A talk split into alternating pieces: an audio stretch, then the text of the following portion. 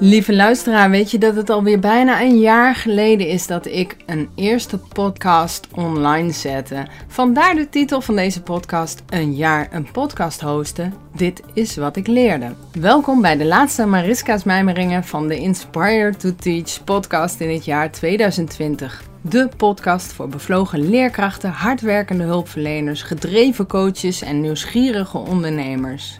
Ieder die geïnteresseerd is in mindsets, mindfulness, motivatie, mentale veerkracht en persoonlijke ontwikkeling. Mariska's Ik ben al een tijdje bezig met het voorbereiden van deze podcast. Want ja, wat ik vandaag met je wil delen is wat ik het afgelopen jaar dus heb geleerd door het hosten van een podcast. Want het is echt een heel proces geweest. En ik heb met uh, heel veel verschillende mensen mogen spreken voor mijn podcast. En dat is natuurlijk ontzettend gaaf. En ik hoop dat mijn verhaal jou vandaag inspireert en dat jij iets hebt aan mijn kleine leermomenten. Ik ga daarnaast ook nog iets vertellen over de Four Tendencies, mijmerboeken. Er komen wat tegeltjes wijsheden langs en ik hoop dat je tussen de regels door de inzichten kunt ontdekken. En mocht jij nou uh, overwegen een eigen podcast te starten, dan vertel ik je ook wat zaken waar je aan kunt denken. Ik zou ook uitgebreide show notes maken van de Four Tendencies en de stappen en tips voor het starten van een podcast. En nou ja, ik ben niet iemand die daar trainingen in geeft of zo, maar ik kan je wel even op weg helpen. Ik heb zelf geen workshops of dat soort dingen gevolgd. Ik heb wel hulp gevraagd. Maar uh, als je denkt van nou, ik ben wel benieuwd naar die Four Tendencies en die, uh, ja, die, die stappen voor het maken van een podcast, check dan even de link in de show notes. En daar vind je een pagina. Dan moet je even je naam en je e-mail achterlaten en dan krijg je een bestandje op, opgestuurd. Ik mail jou dat PDF-bestand met de tips. Ja, dat leek me gewoon wel handig. Ik zit vaak een beetje te denken van, nou, als ik nou een luisteraar van de podcast zou zijn, wat zou ik dan fijn of handig vinden? Dus bij deze check gewoon even de link in de show notes en dan kun je je gegevens achterlaten en dan stuur ik je een mailtje op met informatie. Nou, het idee om even terug te blikken op het jaar was toen ik een tijdje geleden in een van mijn mijmerboeken aan het zoeken was. En een mijmerboek is een, eh, een soort dagboek waarin ik eh, inzichten, gedachten en doelen noteer. Er staan ook eh, mooie gedichten in of hele inspirerende zinnen uit bijvoorbeeld boeken. Of als iemand iets zegt, dan denk ik, oh dat is mooi, daar maak ik even notitie van. Ook aantekeningen van bepaalde cursussen over psychologie, over zelfontwikkeling, over focus, over al dat soort onderwerpen. Dat staat in mijn mijmerboeken. Dus heb jij zelf nog geen mijmerboek die altijd in je handtas bijvoorbeeld meegedragen wordt? Dan raad ik je eraan er eentje te kopen. Gewoon een heel mooi boekje waar je in kunt tekenen en eh, ja, even lekker kunt mijmeren. Maar goed, ik zocht dus iets in mijn oude mijmerboek en ik kwam op een pagina terecht van ja, zo ongeveer twee jaar geleden nu. En het was een lijst met dingen die ik graag nog zou willen doen en ontwikkelen. Het was een beetje zo'n ver van bedshow lijst. Van die dingen van ja, het is best wel een klus, maar dat komt later wel. Mijn doelen, mijn wensen. En ja, toen ik die lijst las, ik, ja, ik kreeg echt kippenvel. Ik zie me nog zo zitten. Het is net alsof ik mijn jongere ik zo voor me zie.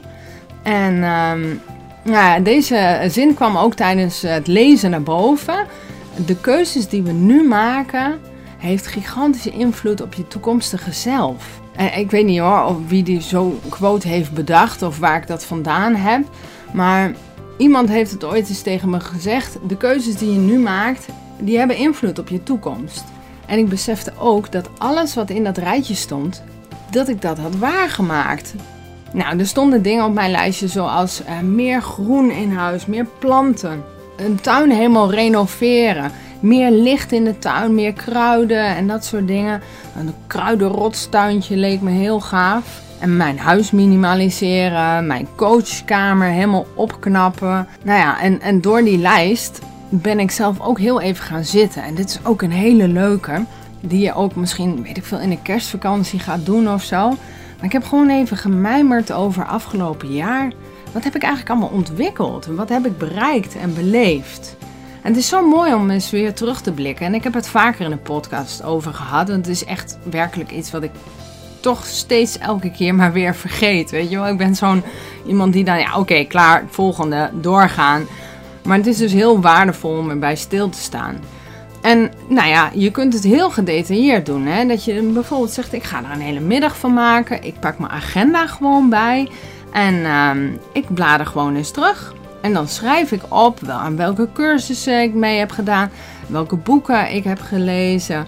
Ja, soms heb je van die dagen dat je denkt, ja, wat heb ik nou eigenlijk gedaan? Ik heb best wel veel gedaan, maar ik ben niet echt verder gekomen of zo. Maar als je dat gewoonweg volhoudt, na een jaar heb je dus echt heel veel stappen gezet. Oké, dus even weer terug naar dat oude mijmerboek. Hè. Ik zie me nog zo zitten, die hele lijst opschrijven. En toen schreef ik dus ook op dat ik misschien wel een podcast wilde maken. En ik weet nog, terwijl ik dat opschreef, dacht ik nog, ik een podcast. Ja, dat is toch iets voor andere mensen. Mensen die echt iets te vertellen hebben. Een grotere namen. Hè. Denk dan aan Paulien Cornelissen, Thijs Lindhout. Allemaal bekende radiomakers. Het voelde echt als een ver van mijn bedshow. En daarom stonden er ook drie vraagtekens achter het woord podcast. En ergens kwam dus het moment, eind 2019, dat ik besloot een podcast te maken. En dan besef ik me ook dat het super fijn is dat je jezelf goed kent. Dat je je sterke kanten kent die je kunt inzetten, maar ook je schaduwkanten, je valkuilen. Het is gewoon ontzettend fijn om te weten wat je motiveert, Waar krijg je energie van? Hoe zorg je dat je al die ballen hoog houdt met plezier, ontspanning en humor en goede relaties in je leven houdt? Hoe doe je dat allemaal? Nou, ik leer heel veel van om me heen kijken, kijken hoe andere mensen dat doen, uh, lezen, maar ook echt observeren van hé, hey, welke neigingen heb ik nou? Nou, ik heb bijvoorbeeld veel geleerd van Marie Forleo, die uh, een spreuk heeft: Start before you're ready and everything is figure outable. Dus starten voordat je het gevoel hebt dat je er helemaal klaar voor bent.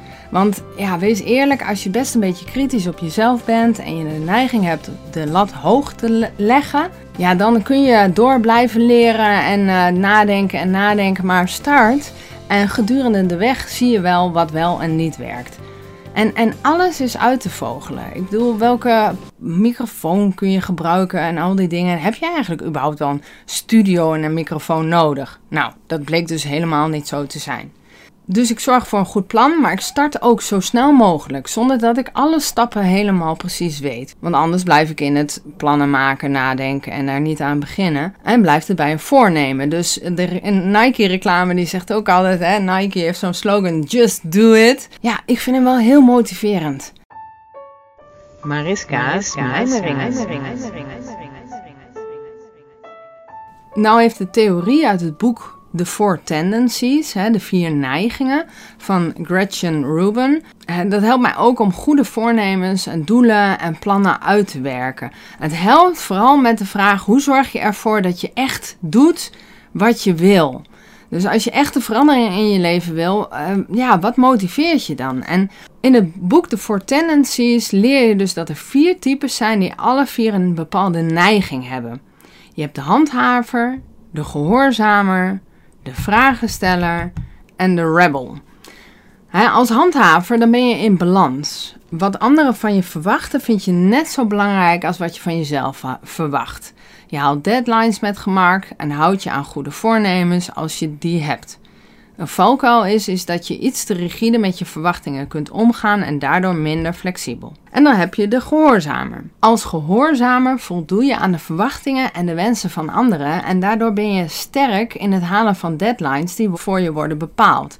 dus in groepsverband, dan hou je je aan je einddoelen. En je valkuil is dus, dus als je iets wil bereiken en je hebt een voornemen, dat je je dan er niet aan houdt. Maar je kunt er dus gebruik van maken als je bijvoorbeeld met iemand gaat afspreken, oké, ehm, wil jij mij elke maand nog ophalen voor sportschool? Of zullen we samen iets? Of wil jij dit controleren? Of een soort stok achter de deur zijn? Dan lukt het vaak wel.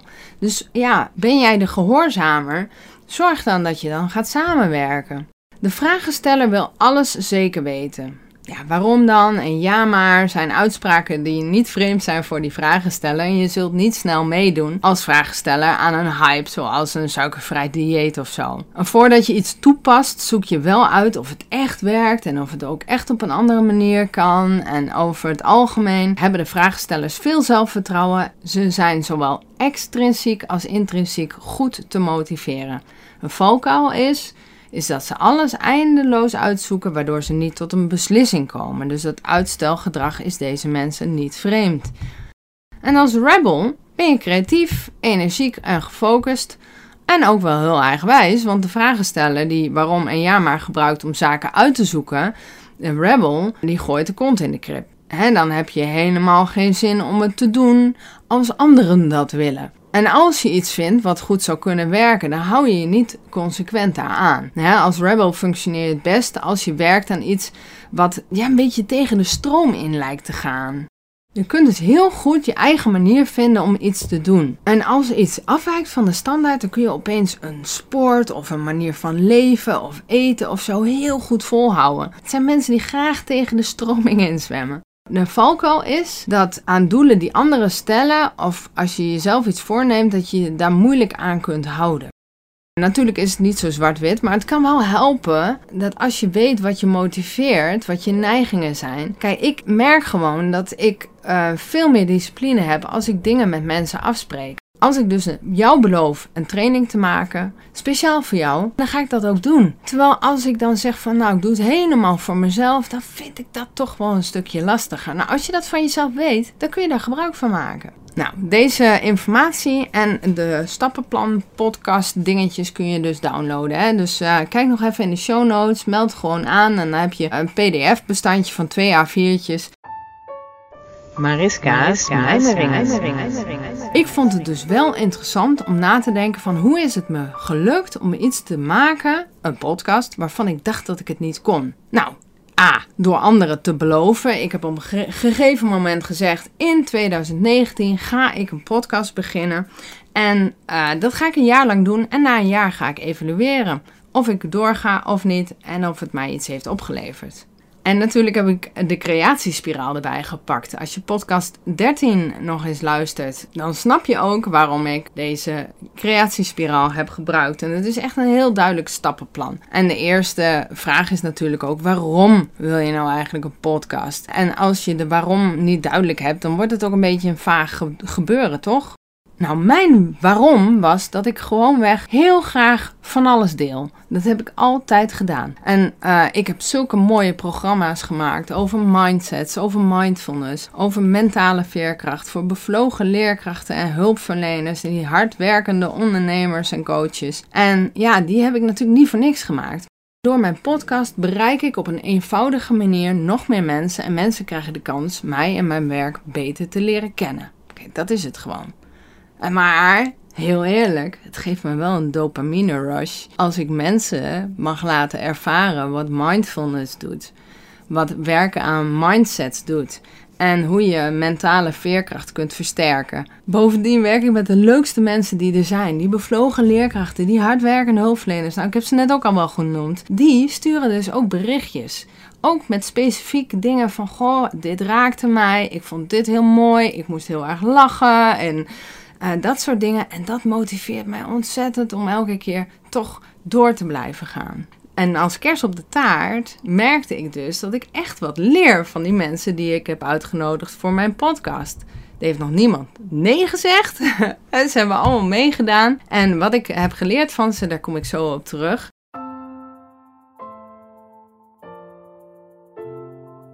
Welke stappen ik heb gezet, welke vragen ik mezelf heb gesteld voordat ik echt begon met de podcast. Nou, voor wie maak ik nou eigenlijk de podcast? Dat moet je wel een beetje weten, hè? En hoe vaak plaats ik dus die podcast? Nou, ik besloot dat twee keer in de maand voor mij haalbaar was. En welke vorm kies je dan? Hè? Denk aan thema's, rubriekjes, tussenstukjes? Wil ik een intro en een outro? En welk muziekje ga ik dan gebruiken? Als ik dan een interview houd, welke vragen stel ik eigenlijk? Wat wil ik eigenlijk meegeven aan die luisteraar? Zijn er ook vaste vragen? En zo wil ik van mijn gasten altijd weten welke leerkracht zij nooit meer vergeten en waarom. En welke boeken wij volgens hen moeten gaan lezen. En wat zij doen aan zelfzorg, waardoor ze in balans blijven. Nou, natuurlijk moest ik ook wat technische dingen uitzoeken, zoals nou, een microfoon, wel of niet. En daar heb ik wat Facebookgroepen gevraagd. Ik had een edit-programma voor video's, dus ik dacht, nou, dan ga ik daar audio uh, mee editen. En natuurlijk eh, moet je ook je afvragen van, moet ik echt alles zelf doen? Zijn er ook dingen waar ik gewoon weg hulp in mag vragen? En uh, show notes per aflevering kwam ik achter dat dat dan ook nog zo bestond. En uh, oh ja, moet een naam hebben. En wat doen we dan met een logo? En wat is dan eigenlijk de beschrijving van de podcast? Dus ik ben ook heel erg gaan kijken van hoe doen anderen dat? En wat vind ik nou eigenlijk heel leuk in een podcast? En hoe kan ik het voor mezelf nou makkelijk maken? Wat is het minimale wat ik in elk geval zou mogen doen? En nogmaals, hulp vragen. En dan ineens heb je een jaar lang een podcast. Nou, zoals ik net al zei, ik heb in het uh, begin van dit jaar heb ik met mezelf afgesproken. Ik doe het gewoon 2020, een heel jaar lang podcasten. En dan ga ik evalueren en een beslissing nemen. Ga ik door of ga ik niet door? Maar voordat ik een beslissing nam, ging ik eerst mijn lessen na. Oké, het is misschien een beetje onlogisch voor je, maar ik ga even ingrijpen in deze podcast. Ik ga hem nu even hakken. Het is mooi geweest. Je bent al meer dan een kwartier aan het kletsen, Mariska Bos. Oké, je verdient het eerlijke verhaal. Ik ben gewoon veel te laat met deze podcast begonnen, maar dat moet je niet doorvertellen. Jij bent een van de mensen die dus tot het einde van deze podcast heeft geluisterd en dan word je beloond dus met een geheim. Het is al maandag. Deze podcast had voor morgen al online moeten staan. Het is vijf uur. Ja, ik heb me laten afleiden door details met werkbladen maken. Waarom? Nou, ik denk overmoed. Ik dacht, het is zo gepiept. Maar ik raakte zo bevlogen van dit afgelopen jaar. Wat ik allemaal met mensen heb meegemaakt en die interviews. En ja, dit is een beetje een langere podcast geworden. Waarin ik nog wel eens de draad kwijtraakte. En dan moet ik toch een beetje knippen, plakken, opletten. Maar ik denk, nee, nee. Het is nu maandag. Nu is het klaar. Je lost dit gewoon een beetje simpel op, Mariska. Er komt gewoon een deel 2. Ja, ja, dank jullie wel. Ja, mooi. Ja. Ja, soms moet je het jezelf gewoon makkelijk maken, toch? Volgende week komt deel 2 van de podcast, hè, de Mariska's Mijmeringen december deel 2, bonus, ja. En dan gaat ze het hebben over uh, de interviews wat de inzichten waren, de belangrijkste inzichten. In elk geval wil je natuurlijk ook weten of ik nog doorga met de podcast in 2021. Zou ze het doen of zou ze het niet doen? Misschien kun je het al zien aan het aantal podcasts. Dat je al weet van hey, er komen er meer. Of dit is misschien, ja, dit is misschien wel een van de laatste. Oeh, wat zou ze toch doen? Nou, oké, dat horen jullie de volgende keer. Ik wens je hele fijne dagen. Volg me op Instagram, Juf Mariska. Facebook, inspire2teach.nl. En to is met een 2, vergeet de .nl niet. En uh, ja, weet je, schrijf je lekker in. Dan uh, blijf je op de hoogte. Krijg je inspiratiemails en zo. Nou, dat soort dingen. Helemaal leuk.